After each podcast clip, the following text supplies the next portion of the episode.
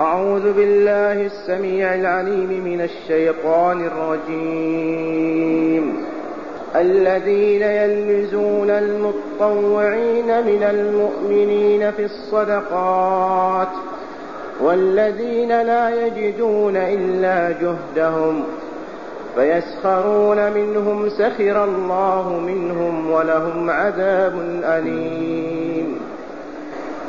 استغفر لهم أو لا تستغفر لهم إن تستغفر لهم سبعين مرة فلن يغفر الله لهم.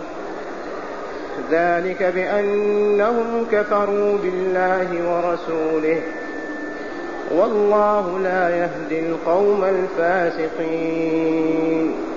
الذين يلمزون المطوعين من المؤمنين في الصدقات والذين لا يجدون إلا جهدهم والذين لا يجدون إلا جهدهم فيسخرون منهم سخر الله منهم ولهم عذاب أليم استغفر لهم أو لا تستغفر لهم إن تستغفر لهم سبعين مرة فلن يغفر الله لهم.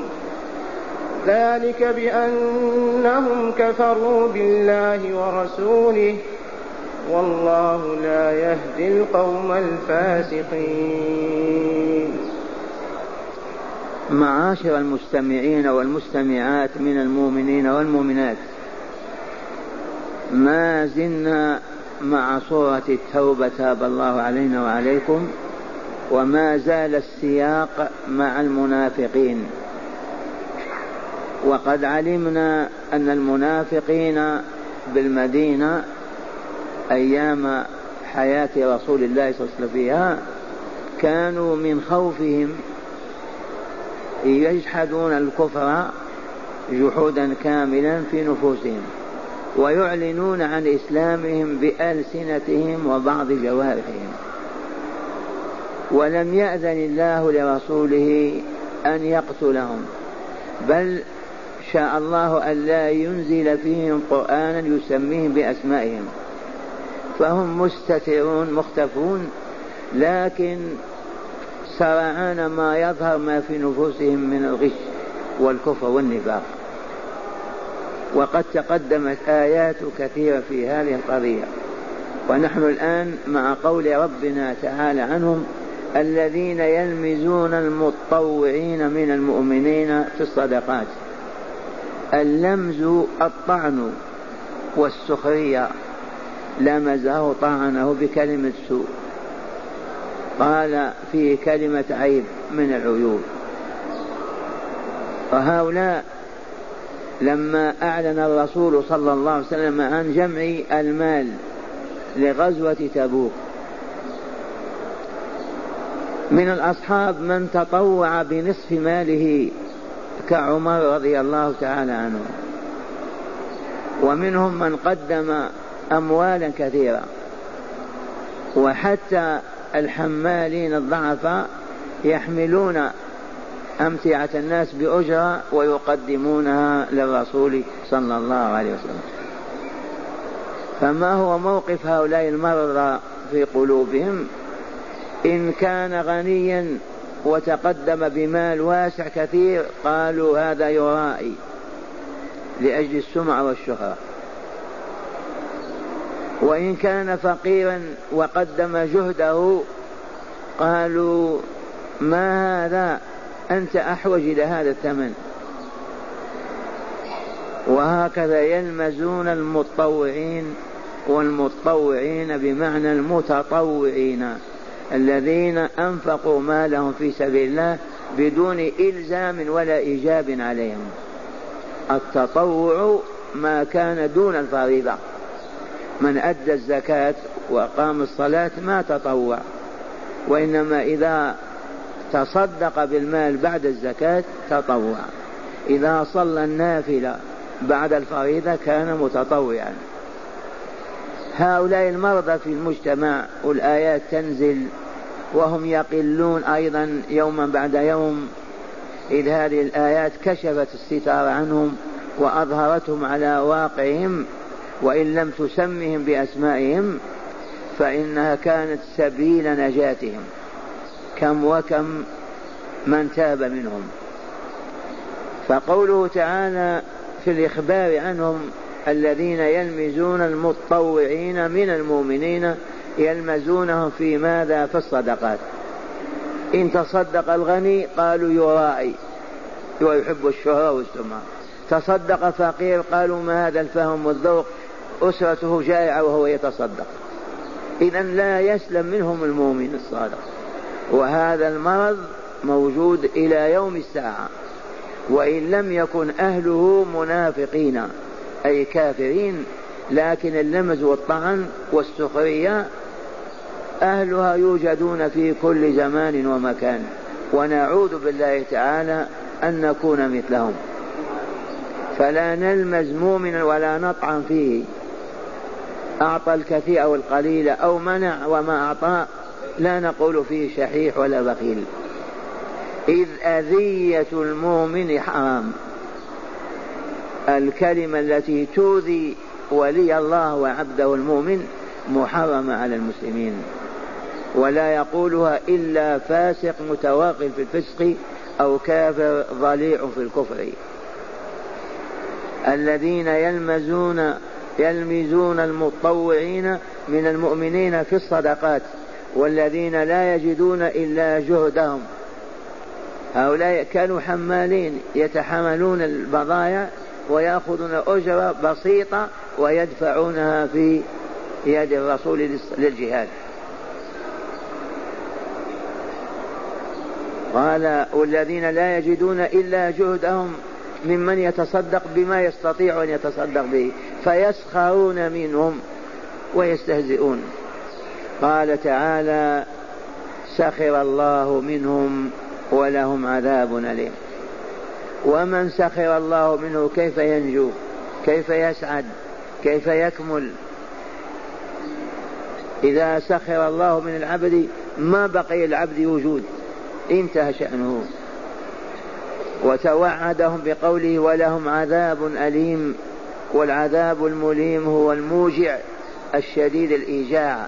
وهو عذاب النار عذاب الدار الآخرة والعياذ بالله. ثم جاءوا لما نزلت الآية جاءوا يستغفرون رسول الله. استغفر لنا يا رسول الله. قلنا وأذبنا استغفر لنا يا رسول الله. وهم يقولون بألسنتهم وهم مغطون الكفر في قلوبهم.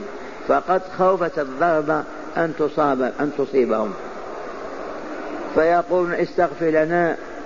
فيستغفر لهم الرسول أحيانا لرحمته وإحسانه ورقة قلبه. فيقول استغفر الله لكم. فأبى الله ذلك. وأنزل قوله استغفر لهم أو لا تستغفر لهم. استغفرت أو لم تستغفر فلن يغفر الله لهم. ومن صورة المنافقين استغفرنا سبعين مرة أيضا. والشاهد عندنا كانوا لما تنزل الآية ويخافون يأتون كأنهم مؤمنون صادقون ويقولون استغفر لنا يا رسول الله استغفر لنا يا رسول الله. فيستغفر لهم لرحمته ورأفته وإحسانه بالخلق كلهم فيضطر إلى أن يستغفر. فأخبره تعالى بقوله استغفر لهم أو لا تستغفر لهم لن يغفر الله. لا استغفر لهم أو لا تستغفر لهم. إن تستغفر لهم سبعين مرة. هذا الحد العدد دائما ينتهون إليه. سبعين مرة. إن تستغفر لهم سبعين مرة فلن يغفر الله لهم. هؤلاء توغلوا في الكفر وتعمقوا في الشر والفساد والفسق فاستغفار الرسول لن ينفعهم. وقد جاءت آيات أخرى تعلمنا أن الكافر لا يستغفر له. وهذا إبراهيم عليه السلام استغفر لأبيه لما واعده أن يستغفر له فلما تبين له كفره ترك الاستغفار عنه. قال تعالى وما كان استغفار إبراهيم لأبيه إلا عن موعدة وعدها إياه. فلما تبين له أنه عدو لله تبرأ منه إن إبراهيم لحليم أواه منيب. والنبي صلى الله عليه وسلم لم يستغفر لأمه ولا لأبيه لأن الكافر لا يغفر له. ما دام قد دخل النار وكان من أهلها بكفره وشركه فلن ينفع استغفار المستغفرين. استغفر لهم أو لا تستغفر لهم إن تستغفر لهم سبعين مرة فلن يغفر الله لهم. وعلل تعالى ذلك بقوله ذلك ذلك بأنهم كفروا بالله ورسوله. لماذا ما تستغفر لهم يا رسول الله؟ لأنهم كفروا بالله ولقائه ورسوله. والكافر لا يستغفر له أبدا. سواء كان والدا أو والدة أخا أو عما. من مات على الكفر والشرك لا تنفعه أبدا لا صلاة عليه ولا استغفار له. ولا يجوز أن نستغفر له لأننا نناقض حكم الله عز وجل. قد قضى الله بأنه من أهل النار الخالدين فيها فكيف نطالب الله بأن يغفر لهم ويعطل حكمه الذي صدر؟ فمن الأدب أن لا نستغفر أبدا لغير المؤمنين والمؤمنات. والآية نص صريح إذ قال تعالى ذلك بأنهم كفروا بالله ورسوله. أبعد كفرهم بالله ورسوله يستحقون المغفرة يستوجبونها الجواب لا مصيرهم الخلود في عالم الشقاء في النار دار البوار. وعلة أخرى والله لا يهدي القوم الفاسقين. الذين توغلوا في الفسق وتعمقوا فيه فخرجوا عن طاعة الله ورسوله في كل ميادين الحياة هؤلاء الفاسقون كذلك لا يستغفر لهم فإن الله لن يغفر لهم. والله لا يهدي القوم الفاسقين. وفيه أيضا لطيفة أخرى وهي أنهم لما توغلوا في الكفر والفساد والشر أصبحوا غير أهل الهداية الإلهية فالله لا يهديهم. وهذه اللطيفة كررناها معاشر المستمعين والمستمعات. على العبد المؤمن أو المؤمنة إذا زلت قدمه وارتكب إثما من كبائر الآثام عليه أن يعجل بالتوبة. على الفور. إذا أذنب عبد الله أو أمته بارتكاب كبير من كبائر الذنوب ما هو الواجب؟ التوبة الفورية. لماذا؟ لأنه لو تتوالى ذنوبه يطبع على قلبه ويختم ولا يقبل توبة ولا يتوب. مرة ثانية يقول تعالى إنما التوبة على الله حق واجب عليه. تكرم بهذا الواجب. لمن؟ إنما التوبة على الله للذين يعملون السوء بجهالة أولا ثم يتوبون من قريب فأولئك يتوب الله عليهم. فلاحظوا رحمكم الله كلمة يتوبون من قريب لا من بعيد. القرب والبعد هنا زمني فالذي توغل في فاحشة من الفواحش عشرين ثلاثين سنة لن يتوب منها. الذي توغل في أي معصية تصبح من أخلاقه من طباعه لا يتأتى له التخلي عنها أبدا. فلهذا أجمع أهل الإسلام على أن التوبة تجب على الفور ولا تؤجل إلى عام المقبل أو إلى الساعة الفلانية. زلت القدم وسقطت أستغفر الله مع دموعي أذرفها وأتوب إلى الله ينمحي ذلك الأثر. أما مواصلة الذنب فإنه بعد فترة من الزمان ما يقبل التوبة ولن يتوب. وقد قال تعالى كلا بل ران على قلوبهم ما كانوا يكسبون. وشرح النبي صلى الله عليه وسلم هذه الحقيقة وبينها لأمته. قال إذا أذنب العبد ذنبا وقع نكتة سوداء على قلبه. فإن تاب صقلت ومسحت. وإن زاد ذنبا آخر وقع نكتة إلى جنب الأولى. وزاد الثالثة والرابعة والخامسة فتغطى القلب وتغشى بالذنب فيحرم التوبة. ثم قال تعالى قال صلى الله عليه وسلم كلا بران على قلوبهم ما كانوا يكسبون. فهو هنا عز وجل أعلن عن حرمانهم من التوب من الهداية لا يهديهم لأن يدخلوا في رحمة الله ويسلموا بسبب ماذا؟ توغلهم في الفسق. والخروج عن طاعة الله ورسوله صلى الله عليه وسلم. فتأملوا الآية رحمكم الله. يقول تعالى في من؟ في أولئك المنافقين الذين كانوا مع النبي صلى الله عليه وسلم في هذه المدينة.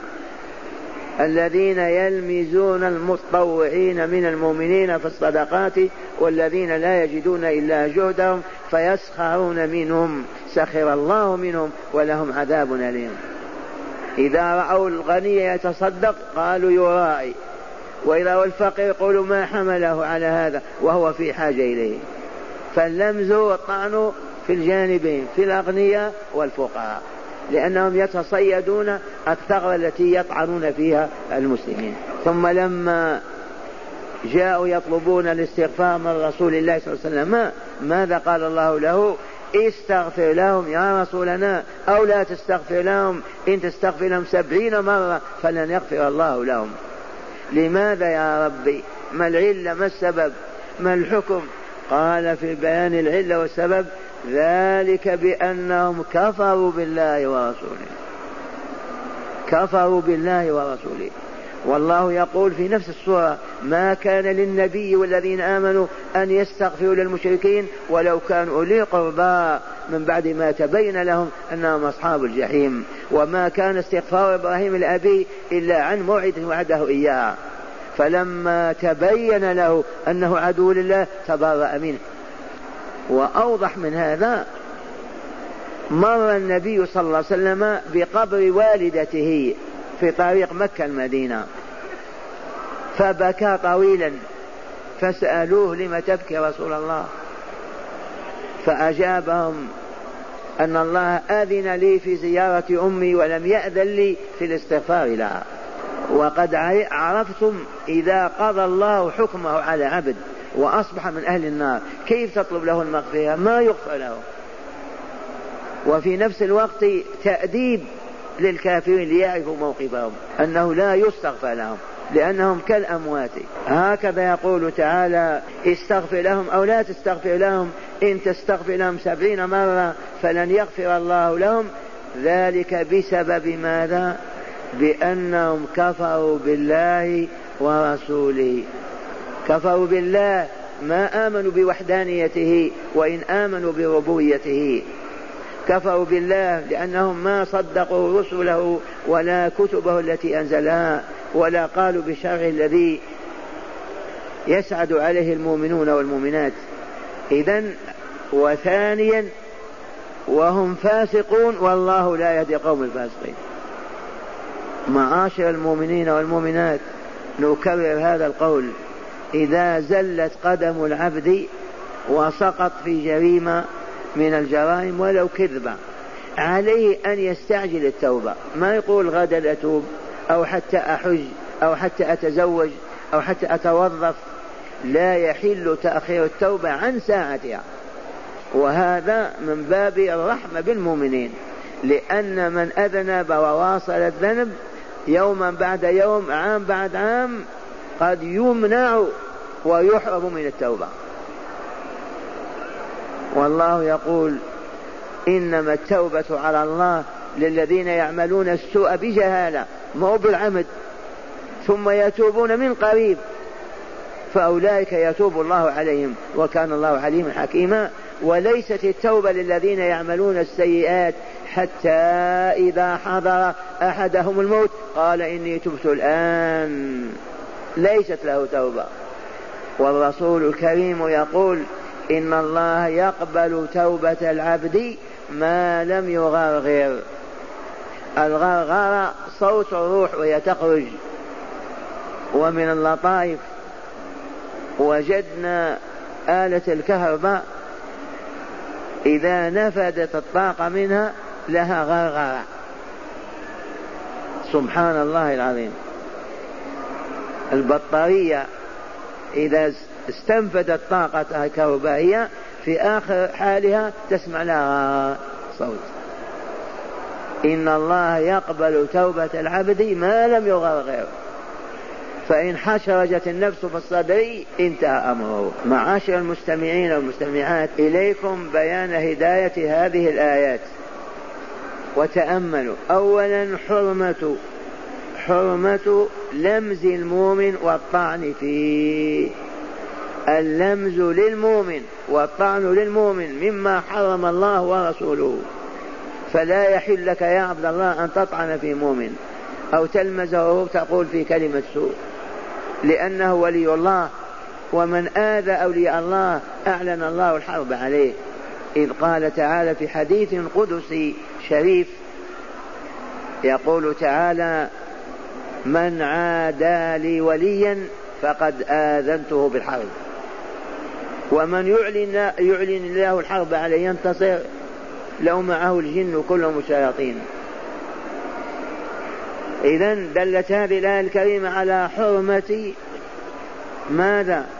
لمز المؤمن والطعن به. بالكلمة ما هو الطعن بالسيف إلى الرمح. طعنه بكلمة سوء عيره قبح سلوكه. فلا يحل لأحدنا أبدا طول الحياة. أن يطعن في مؤمن أو يلمزه. ثانيا حرمة السخرية بالمؤمنين. والسخرية كالاستهزاء. محرمة أيضا بكل مؤمن ومؤمنة. مهما كان المؤمن فقيرا أو غنيا صالحا أو فاسدا السخرية بالمؤمن محرمة بهذه الآية. إذ قال تعالى فيسخرون منهم. ثالثا غيرة الله على أوليائه حيث سخر الله حيث سخر الله ممن سخر ممن سخر من المطعونين من من المتطوعين مرة ثانية. قال ثالثا غيرة الله الله يغار لأوليائه وعبيده. غيرة الله على أوليائه حيث سخر هو تعالى ممن سخر من المطوعين. إذ قال تعالى سخر الله منهم. لماذا سخر الله منهم؟ لأنهم آذوا أولياءه. آذوا عباده المؤمنين. فسخروا منهم إذا فكافأهم الله وجزاهم على سخريتهم بأن سخر منهم. أنت سخريتك ما لها أثر كبير لكن الله إذا سخر من عبد مسخه لم يبقى له قيمة في الوجود. رابعا من مات على الكفر لا ينفعه الاستغفار له. فلهذا لا يصلى عليه صلاة الجنازة. ولا يستغفر له في المقبرة. لماذا؟ لأنه ميؤوس من من رحمة الله له. وذلك لعلم الله وإعلام عباده بأنه لن يغفر لهم.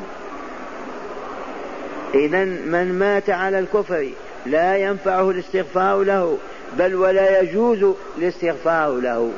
وحسبنا أو يكفينا قول, قول ربنا عز وجل وما كان استغفار إبراهيم لأبيه إلا عن موعد وعده إياه. فلما تبين له أنه عدو لله تبرأ منه. وموقف الرسول من آمنة وهو في طريقه إلى مكة أو إلى المدينة بكى وهو على قبرها لأنها ماتت في الطريق هي. كانت هنا عند أخوالها ثم توفيت في الطريق. فسئل قال أذن لي ربي في زيارة قبرها ولم يأذن لي في الاستغفار لها.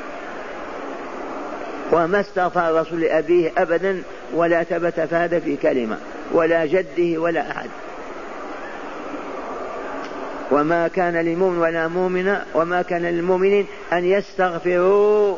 رابعا من مات على الكفر لا ينفعه الاستغفار له بل ولا يجوز الاستغفار له. خامسا التوغل في الفسق أو الكفر أو الظلم يحرم يحرم صاحبه الهداية. الكثرة في الفسق والفجور أو الظلم أو الشر والفساد من شأنها أن صاحبه يحرم الهداية. يصبح غير قابل للتوبة والهداية. فلهذا نبهنا إخواننا وضربنا لهم المثل الذي عاش أربعين سنة خمسين سنة يشرب الخمر. ما يستطيع أن يتركها. الذي اعتاد على السجاير عشرين ثلاثين سنة ما يقوى على تركها.